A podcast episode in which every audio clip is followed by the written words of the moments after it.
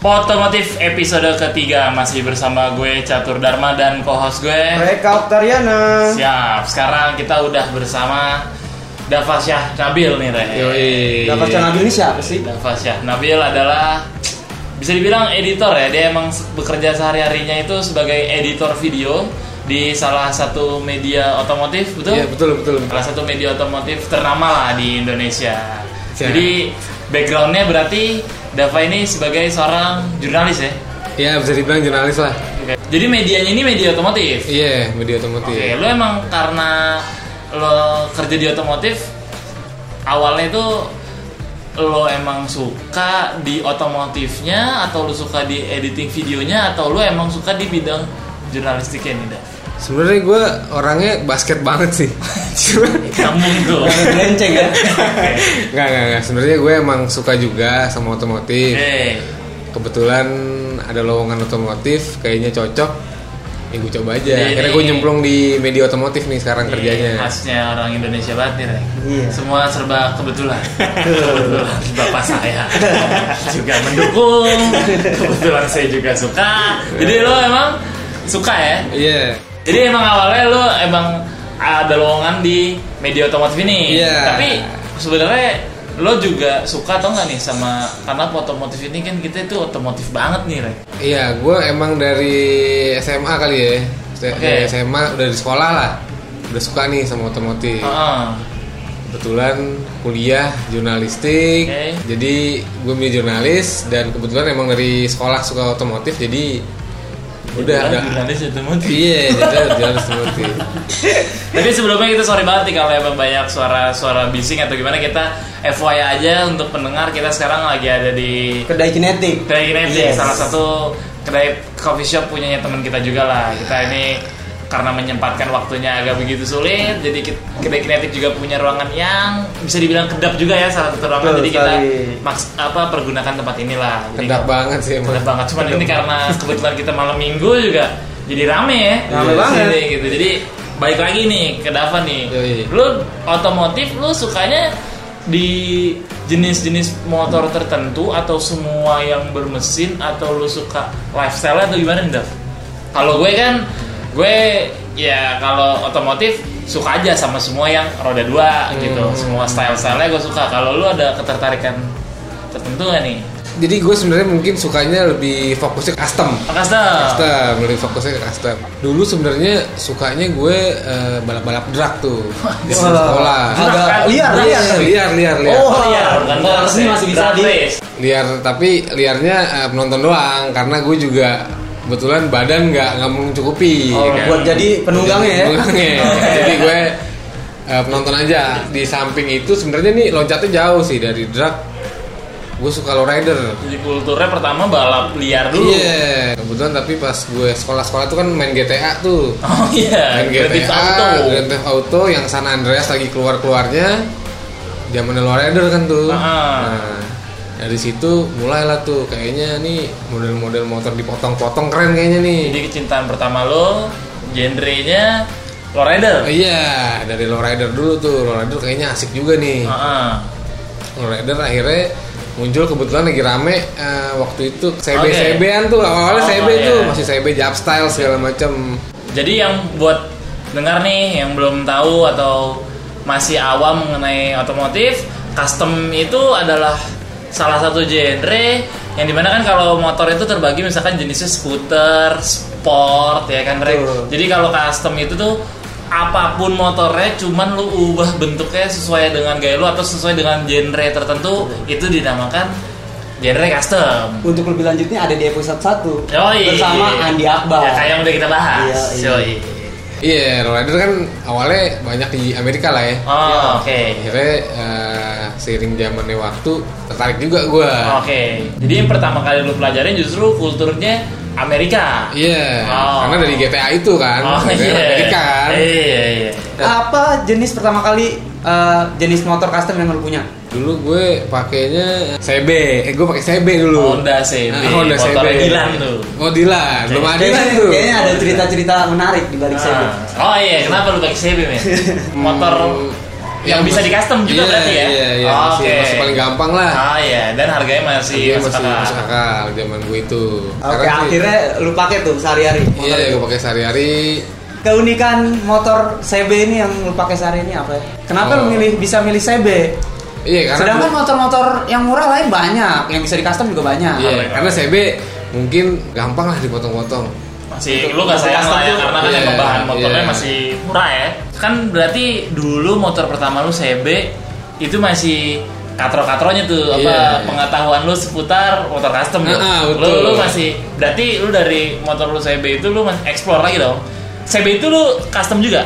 Custom Lu custom Jeep style itu. Style itu. Tapi Jeep style masih sekedar ini motor custom pertama. Iya. Kayak gue juga pertama kali punya motor custom itu masih norak-noranya itu. iya yang setelannya. penting potong jok ya iya, kan, yang penting papas. kelihatan beda aja yang penting standar. beda aja Iya, iya, iya. Terus CB lu udah gak pakai sekarang? udah gue jual Kalau jual, Gua jual. Lu jual? Mau upgrade nih ceritanya. upgrade Oh lu udah upgrade ya sih. Kalau orang jual motor pasti tujuannya Nge-up motor apa lagi. ya? Untuk, iya untuk akhirnya sekarang gue pakai Scorpio Scorpio. Scorpio Scorpio Dengan jenis aliran modifikasinya apa nih? Custom ya? alirannya ya sekarang sih lebih ke suka-suka gue sih Hmm. Jadi istilahnya yang menurut gue oke aja lebih ke Oh. selera gue gini ya udah gue Iya. motor berdasarkan karakter. Oh iya. Iya. benar. Nah tapi kita balik lagi nih ke background lu sebagai seorang editor. iya Ini yang lo kerjain itu berarti apakah seputar dunia-dunia custom aja kah atau luas banget nih otomotifnya? kalau dari kerjaan gue sebenarnya nggak ada nggak jarang sih ya bahas yang custom lebih Oh justru jarang. jarang Oh. justru lebih ke yang baru-baru ya bisa dibilang luas sih jadi nggak kalau custom itu kan lebih ke fokus ya jadi ke fokus satu misalnya custom Oh ya. kalau itu kan uh, selera- Rubrik lah ya. Iya, kalau ya. tapi kalau yang gue kerjain di kantor sih ya mostly yang umum lah Jadi, oh, jadi nggak yang custom banget malahan custom ya. banget, iya. Oh, jadi lo sedikit-sedikit lah ada ada Ah, passion lo di iya, sini lo suka ada. di otomotif cuman custom lo sebagai bumbu-bumbu aja sih. yes betul Oh jadi lu hari-hari menyesuaikan banget nih dari Ah. tunggangannya, dari Kan style-nya, gitu kan? Motornya tergantung karakternya. Oh betul. Oh tadi kita bilang ya. Nah, menurut lu sendiri nih, custom culture fashion di Indonesia itu gimana? menurut gue sangat marak banget sih saat ini fashion yang berkaitan sama custom culture karena selain jadi kebutuhan buat naik motor sekarang juga banyak banget orang yang bisa dibilang awam atau bisa dibilang nggak ngerti sama motor itu banyak juga yang pakai baju-baju motor Oke. dia mungkin dia suka sama modelnya atau gambar-gambarnya itu buat mereka mungkin itu sangat menarik ya soalnya dulu kan kalau fashion motor nih atau Gitu-gitu aja otomotif ya? eh, biasanya kan langsung ke kayaknya lu langsung berkaitan lah dengan kendaraan yang lu pakai. Oke. misalnya eh, apa riding atau touring ada pakaian khusus. Kalau sekarang sih udah universal lah. Oke. jadi orang siapa aja bisa pakai. Jadi fashionnya motor dan otomotif ini sebenarnya jadinya lebih lebih bebas gitu. Lebih siapa aja bisa suka gitu bisa pakai. Kalau industrinya sendiri, menurut lu gimana? nah dengan maraknya industri fashion ini di custom culture menurut gue banyak jadinya brand-brand yang mulai menggandeng desainer lokal Oke. dengan Jadi keunikannya satu keuntungan juga ya buat iya desainer lokal ya? betul jadi contohnya misalnya Fondage itu yang dari Amerika Oke. dia kan kental banget tuh sama budaya custom culture-nya Oke. dia mulai buka gerai itu di di Indonesia sendiri dia masuknya mulai bukanya di Bali Ya. terus dia ngajak eh, apa seniman Bali Desainer-desainer lokal. ya? eh, diajak ke situ buat bikin eh, apa produk-produknya Fondage jadi lebih kolaboratif lah semuanya. Terus juga di dalamnya dikasih apa eh, khas-khas unsur-unsur budaya khasnya Bali gitu. Jadinya lebih menarik.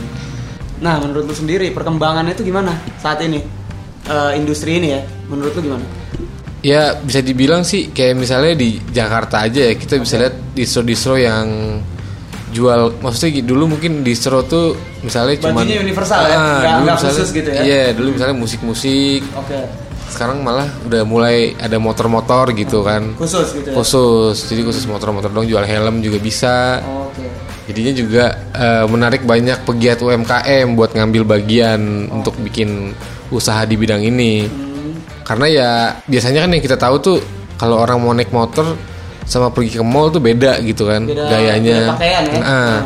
sekarang ya ini malah jadi sebuah peluang baru gitu Oke. kalau gaya naik motor juga bisa buat ke mall gitu. Nggak ada salahnya ya Nge- eh, kayak misalnya maskernya, gaya-gayanya motor sih masih oke-oke aja Dan lah sekarang. bisnis juga buat UMKM ya Betul, betul. contohnya masker Nah. perlengkapan-perlengkapan berkendara ya Iya, jadi juga sekarang gue tuh ngelihatnya banyak brand-brand yang saling membantu lah, saling merangkul, khususnya di fashionnya motor-motor ini gitu. Jadi dia punya banyak ide dan inovasi yang baru biar nggak ngebosenin. Jadi bukan sekedar buat gaya, tapi juga eh, ada sisi keamanan, sisi kerennya. Jadi buat kita naik motor bisa, mau ke mall bisa, mau ke mana aja bisa lah gitu.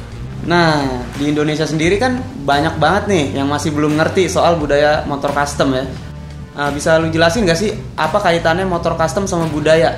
Menurut gue sendiri sih motor custom tuh sebenarnya gambaran selera aja dari ambisi si pemiliknya. Jadi semuanya itu muncul dari otak si pemilik biar bisa eh, memiliki motor yang beda dari la- orang-orang lain. Oke. Mulai dari konsepnya dia, bahannya bahan motornya dia maksudnya maunya cc besar atau cc kecil. Jadi semua itu bisa benar-benar sesuai selera lah. Selera masing-masing ya. Nah kalau custom sendiri yang gue tahu itu awalnya berkembangnya di Amerika. Tujuannya buat ngegambarin karya seni, kendaraan, fashion sampai gaya rambut dari orang-orang yang mengendarai motor atau mobil yang udah dimodifikasi.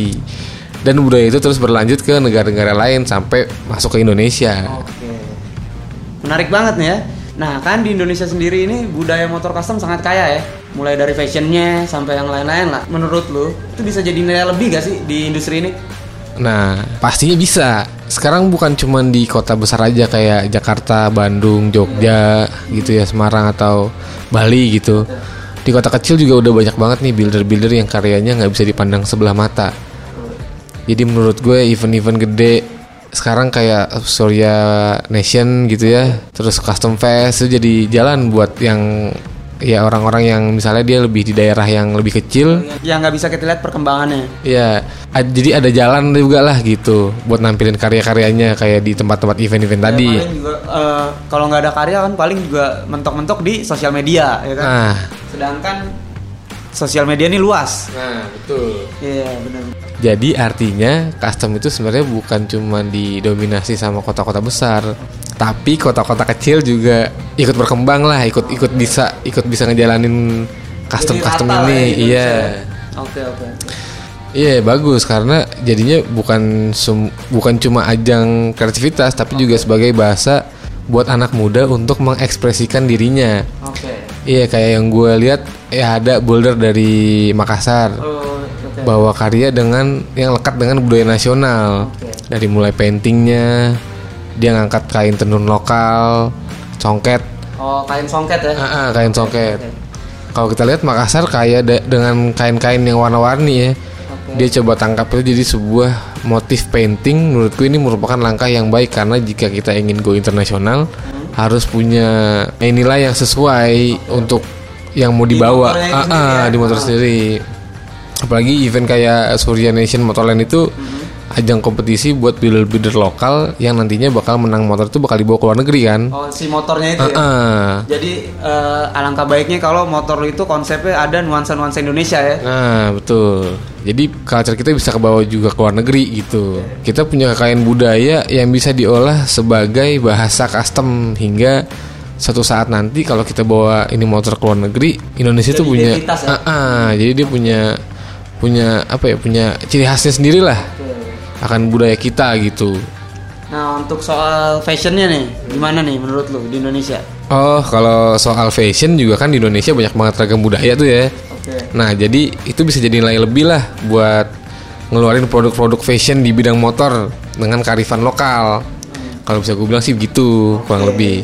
Berarti emang uh, fa- selain genre fashion bisa ngewakilin uh, genre-genre tertentu ya, Iya. style-nya ya. Berpengaruh banget gak dalam kehidupan sehari-hari dalam berpakaian? Oh iya. Nih si motor lu ini nih, si aliran eh, jenis motor lu ini berpengaruh gak sih? Bisa dibilang gitu sih, bisa dibilang gitu. Kayak misalnya mungkin lebih ke identitas kali ya, Identitas. misalnya Oh iya. kayak gue Ngegambarin diri lu. Iya, gue jadi bener-bener ekspresi melalui apa ya gaya lo kali ya, gitu. Hmm.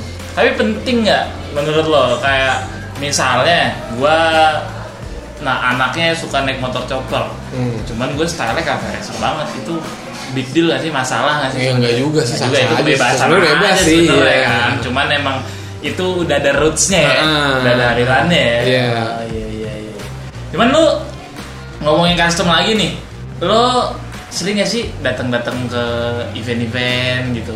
Main-main ke acara-acara motor? Kan dulu banyak nih sebelum Iya iya pandemi iya. ya. Betul betul betul betul. Dulu gue gue gue lumayan rajin sih datang ke custom fest Oh. misalnya ke Wah, sampai ke Jogja. Iya. Custom fest Jogja ya? Iya.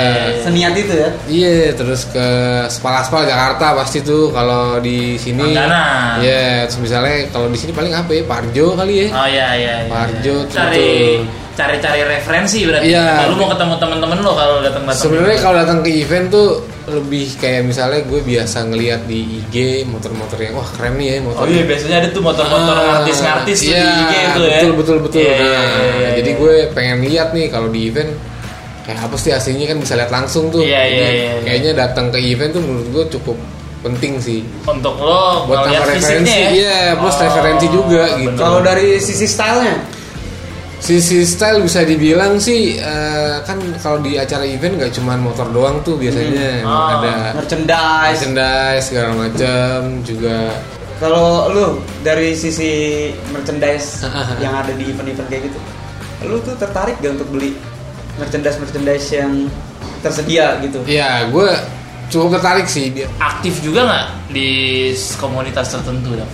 Gue lebih ke jalan-jalan kalau ke acara atau muter-muter bareng bareng teman-teman aja Oh jadi tunggu gua berarti ini adalah sesuatu yang sah-sah aja ya kalau lu bermain motor genre tertentu lu tuh emang nggak nggak harus ikut komunitas juga iya iya gitu ya. menurut gue sih enggak ya Oke, kenapa alasan lu lu kenapa nggak mau ikut komunitas? kalau gue lebih ke mungkin senangnya motorannya sama temen-temen deket aja kali Oh, ya ya, nggak harus biar lebih kali iya ya. biar lebih apa ya bebas aja Ya, gitu ya, chemistry-nya Ah. juga lebih dapet. Lu kan gak ikut di komunitas nih, gak terikat sama komunitas apa pun. Iya. Terus gimana cara lu ngebangun relasi di dunia motor custom ini? Sedangkan kan bisa dibilang motor custom ini gengsinya gede banget nih. iya betul betul Antar sesama pengguna kayaknya Iya. kalau nggak nengok tuh kayaknya nggak, wah Iya, males iya, banget deh. iya iya iya iya sebenarnya mungkin di enaknya tuh ya kayak gitu ketemu di acara ya Hmm. di acara tuh kita sharing biasanya yang misalnya pas di pameran tuh kan kita ngeliat motor satu sama nih misalnya kita ngeliat motornya si A gitu ya. Kadang-kadang kan pas sebelahan nggak tahu siapa tuh dari situ kita ngobrol aja. Kayak wah ininya bagus nih ya ininya cocok nih ininya gitu. Jadi biasanya bangun relasi pas kita ngeliat motor yang sama gitu barengan. Hmm. Kalau di jalan pernah ada pengalaman nggak? Yang misalnya lu sesama pengguna nih, cuman ya udah acuh aja gitu. Ada sih kadang-kadang Banyak kali ya? iya banyak juga yang yang istilahnya cuek-cuek aja gitu Hmm. Nah lu ada tips nggak kira-kira eh, kan lu cukup cukup lama lah lu sekarang udah kerja dan lu suka motor itu dari SMA gitu ya kan. Apakah buat temen-temen yang dengar di sini kalau mau ingin memulai nih main motor motor custom kayak lu nih, dia tuh sebaiknya hal yang paling pertama dilakukan tuh apakah kayak lo sering datang ke event atau dia ikut komunitas atau dia cari-cari referensi dulu? Kalau dari sisi lu tuh gimana? Dari sisi gue sih mendingan sering-sering muncul di event ya. Event? Heeh. Oh, jadi nggak usah kebanyakan scroll scroll Ah, iya juga biar kalau misalnya di event kan ketahuan tuh maksudnya orang-orangnya ini jadi kita juga ketemu jadi kayak kalau di event sekalian sel- selain kita ngeliat motor bisa ketemu temen-temen Ah, juga yang penting iya, ya berarti bisa betul. dapat semua ya lu Iya, referensi betul. dapat lu mau ikut komunitas lu bisa sekalian tuh boleh juga sih itu iya iya iya iya Kalau menurut lu perkembangan motor custom saat ini gimana? Dibandingkan pertama kali lu ngejalanin, maksud gue di- dibandingkan pertama kali lu terjun gitu. Pasti Iya kan sih. belum terlalu rame-rame banget kan? karena kan sekarang udah rame banget Wah, custom ya apalagi tapi- presiden kita. Ya, yang kita udah bahas tuh Iya. yang dibikinin sama Mas Ateng. Kan beda pasti Iya, kulturnya iya, tuh. iya, iya, iya. Oh, yang dulu-dulu Gimana zaman- sih Lo kan pasti lo doang tuh. Hmm. kalau menurut gue makin bagus sih ya sekarang makin istilahnya makin macem-macem lah gayanya jadi nggak cuman kalau dulu kan cuma kepatokan misalnya racer ya kan Hmm. tracker lah apa Iya, segala iya, macam mungkin kalau sekarang lebih ya salah satunya kayak ah gue sukanya misalnya eh, frame-nya eh, apa ya bisa dibilang chopper tapi Frame- dia frame tuh rangka ya. eh, ah, rangkanya chopper tapi gayanya agak pakai stangnya tracker gitu jadi Oh, kayaknya jadi lebih mix gitu ah, ya? sekarang jadi lebih lebih Iya, genrenya lebih di- bisa digabung-gabung. Ah, Mungkin karena sekarang kan sosial media juga Iya. cukup membantu lah ya untuk Iya, untuk betul. hal kayak gitu ya. Mantap banget nih Bang Catur Yoi. obrolan kita malam ini. Mantep lah mas mereka gitu mantep lah. Eh, untuk yang terakhir Mas Dava, oke ada niat gak untuk menggeluti bisnis di bidang motor custom ini? Entah dari fashion, builder, ya ada sih Ada niat gak? ada sih sekarang mungkin kalau gue kan nggak bisa bikin motor ya Hmm? paling gue seneng kalau main merchandise kali ya Iya. karena yang tadi seperti yang lo bilang rek kayak wah eh, kadang-kadang fashion juga mempengaruhi stylenya lah gitu Bahkan sebenarnya dari fashion itu orang yang nggak suka di motor juga kalau emang disuka sama fashionnya juga sah-sah aja iya, kan. Jadi lebih luas juga ya. betul betul betul Nah, Rek, jadi sebenarnya kita tuh ngundang Dava ke sini bukannya kita mau ngebahas dia sebagai editor, Betul. bukannya ya kita bahas juga sih background dia pekerjaan dia terus bidang pekerjaannya apa hobinya dia di bidang motor custom jadi kita kan tujuan ke sini ngundang Dava kita pengen ngulik-ngulik lah sebenarnya kalau kemarin kita udah ngobrol sama Mas Ateng kan seputar dunia Motor. pembuatan motor customnya Legal apa enggak. Iya, legal atau enggak dan lain-lain kalau sekarang Regulasi ya kan? Ya, kalau sekarang sama Dava kita lebih pengen eh, menyolek, mengulik seputar fashion di bidang motor custom. Betul. dari yang gue lihat aja kali ya yang Iya. gue tahu nih gue juga nggak ngerti-ngerti banget Iya, sebenarnya iya. Bisa. Nah kan kalau yang kita tahu nih anak motor biasanya dia kan pasti jaket kulit, sepatu boots, terus rantai-rantai gitu kan. Jadi sebenarnya selain genre motor yang berkembang, fashionnya tuh dia berkembang juga nggak sih? sebenarnya mungkin sekarang lebih kalau dari yang gue lihat bebas sih lebih kayak banyak sekarang motoran pakainya kaos doang sebenarnya mungkin dia balik lagi semua terserah gayanya yang pakai sih cuman kalau dibilang dulu pakainya jaket kulit mungkin sekarang lebih ke apa ya sekarang mungkin brand-brand fashion lokal juga mulai keren Oh, jadi iya. mulai mulai dilihat juga lah jadi Kalau dulu berarti masih sedikit kali Iya, ya brand-brand yang bergerak di apparel motor gitu ya. Ah, jadi sekarang mungkin udah banyak kayaknya naik motor nggak harus pakai style jaket kulit Jadi anak motor tuh sekarang nggak harus sama Ah, sebenarnya. ah. Kebebasan aja kah atau emang apa style yang makin berkembang karena Iya. kayaknya sekarang lu ngeliat orang jam 2 siang di Sudirman pakai jaket kulit sih Nah, keren juga sih. sauna tuh. Iya kan? Iya. Jadi ya mungkin bisa dibilang jadi ya mungkin dulu kalau naik motor harus apa ya? pakai sepatu boot mungkin sekarang lebih kayak pakai sepatunya skate kayak pakainya Vans sneakers sneakers gitu Ah. aja sih berarti emang selain genrenya fashionnya juga mengikuti zaman ya. Iya. Iya. cuman kalau yang lo tahu nih dah eh, brand-brand motor itu apakah ngikutin kayak motor gue Jepang fashion gue harus Jepang. Motor gue Amerika fashion gue harus Amerika. Atau mungkin kita juga nggak tahu nih apa Indonesia mungkin apakah udah ada gitu yang bergerak di bidang itu sendiri? Kan nggak juga sih. Menurut gue ya contohnya sih mungkin sekarang eh, apa ya lebih banyak brand bagus jadi yang tadi lu bilang ya ah, kayak contohnya musik mungkin di sini ada Elders ada Pickles Elders, oh, yang gua baca juga sih Elders itu dia udah ada beberapa kerjasama sama di Jepang ya. Iya, Dia betul. bikin bikin helm lokal Ah. lokal quality juga tuh rek. Dia Iya. bikin bikin helm kerjasama sama beberapa brand dari Jepang. Betul. Berarti dari jenis fashion sebenarnya Indonesia cukup diakuin juga ya. Iya iya iya, Oh, iya, iya. bisa dibilang begitu sih kayak misalnya kalau misalnya ke acara yang di Jepang tuh Yokohama Heeh. dari yang gue baca sih gue bilang biasa dari website banyak juga brand-brand yang ikut keluar gitu yang Oh, Indonesia, brand Iya, Indonesia? ada ada ada Jadi sebenarnya Indonesia selain motor, fashionnya Iya. berarti juga ikut ya seiring Betul. berkembangnya zaman ya. Iya bisa kayak contohnya saya itu tadi Elders terus Speakers Speakers tuh juga udah bawa brandnya Moon Ice ya ke Indonesia Moon Ice tuh- iya, Moon Ice itu apa ya? Moon Ice tuh eh, jadi dia jual-jual eh, kayak dia part-part hot rod misalnya kayak setir mobil Ah, itu dari dari dari dari apanya nih dia asalnya asalnya Jepang sekarang Jepang. tadinya Amerika Sedangkan Pickers itu Indonesia. Pickers itu Oh, dia Indonesia. kerja sama juga ya. Iya, ya. Wah, betul. cakep tuh Pickers. Tapi Betul. main-main tuh. Betul. Jadi sebenarnya Moon Nice tuh nggak cuman jualan kayak tadi gue bilang nggak cuman hot rod, tapi dia juga ada Hot ada, ada ada ada kaos. Oke Dev, sekarang lo bagi tips dong ke kita, ke pendengar juga. Menurut lo eh, fashion apa yang menurut lo keren dan baik digunakan untuk sehari-harinya versinya lo deh dari Iya. safety keren deh. Yang paling penting kan safety ya Dari atas sampai bawah lah ya. Ah, Iya, apa dari aja ujung deh? rambut ya. Iya. Iya. Kalau gue mungkin eh, lebih ke lokal-lokalan aja kali ya. Lokal. Iya. Kenapa? ya? Kenapa alasannya? Karena eh, demi memajukan industri Indonesia, industri industri semua industri lah di Indonesia. Jadi mungkin gue ngasih saran misalnya helm pakainya eh, Elders tuh. Udah. Helm Elders. Ya, bisa dicatat nih listener nih. Ah, helm Brand-brandnya apa aja nih Iya. kalau versinya dari Mas Dava. Terus kalau kaos mungkin lo bisa pakai kaosnya Pickers, T-shirt, Pickers Iya, ya. iya, Udah iya. ada- Lumayan diakuin juga ya. Betul, betul. Ah. Terus sarung tangan juga lo bisa pakai Riders and Rules tuh. Oke. Ah, celana bebas lah ya, mungkin celana ah, bisa lo pakai jeans atau denim atau Oke, apa dikis lah apa. celana Iya. harus safety. Ah. sepatu kalau gue sih pasti fans kalau dari gue. Oke. Gitu. Kalau untuk soal harga nih, brand-brand lokal, gimana menurut lo?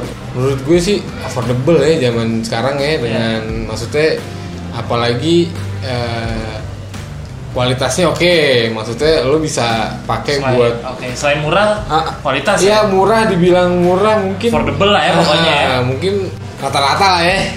Karena kan emang lokal dia kan Ah. nggak ada biaya ekspor dan lain-lain, pasti Betul, lebih iya. murah dibandingin brand luar. luar. Betul. Tapi maksud gue jadi ya at least kalau misalnya pun mahal itu bisa dipakai setahun kali ya.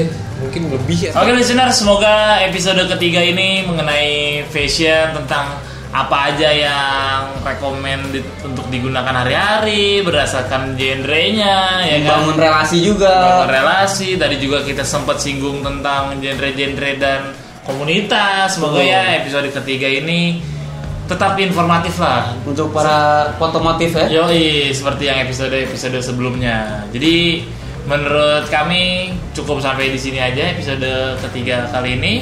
Gue Catur Dharma pamit. Gue Erik Oktariana pamit. Yuk, gue Dava Nabil, thank you udah ngundang gue.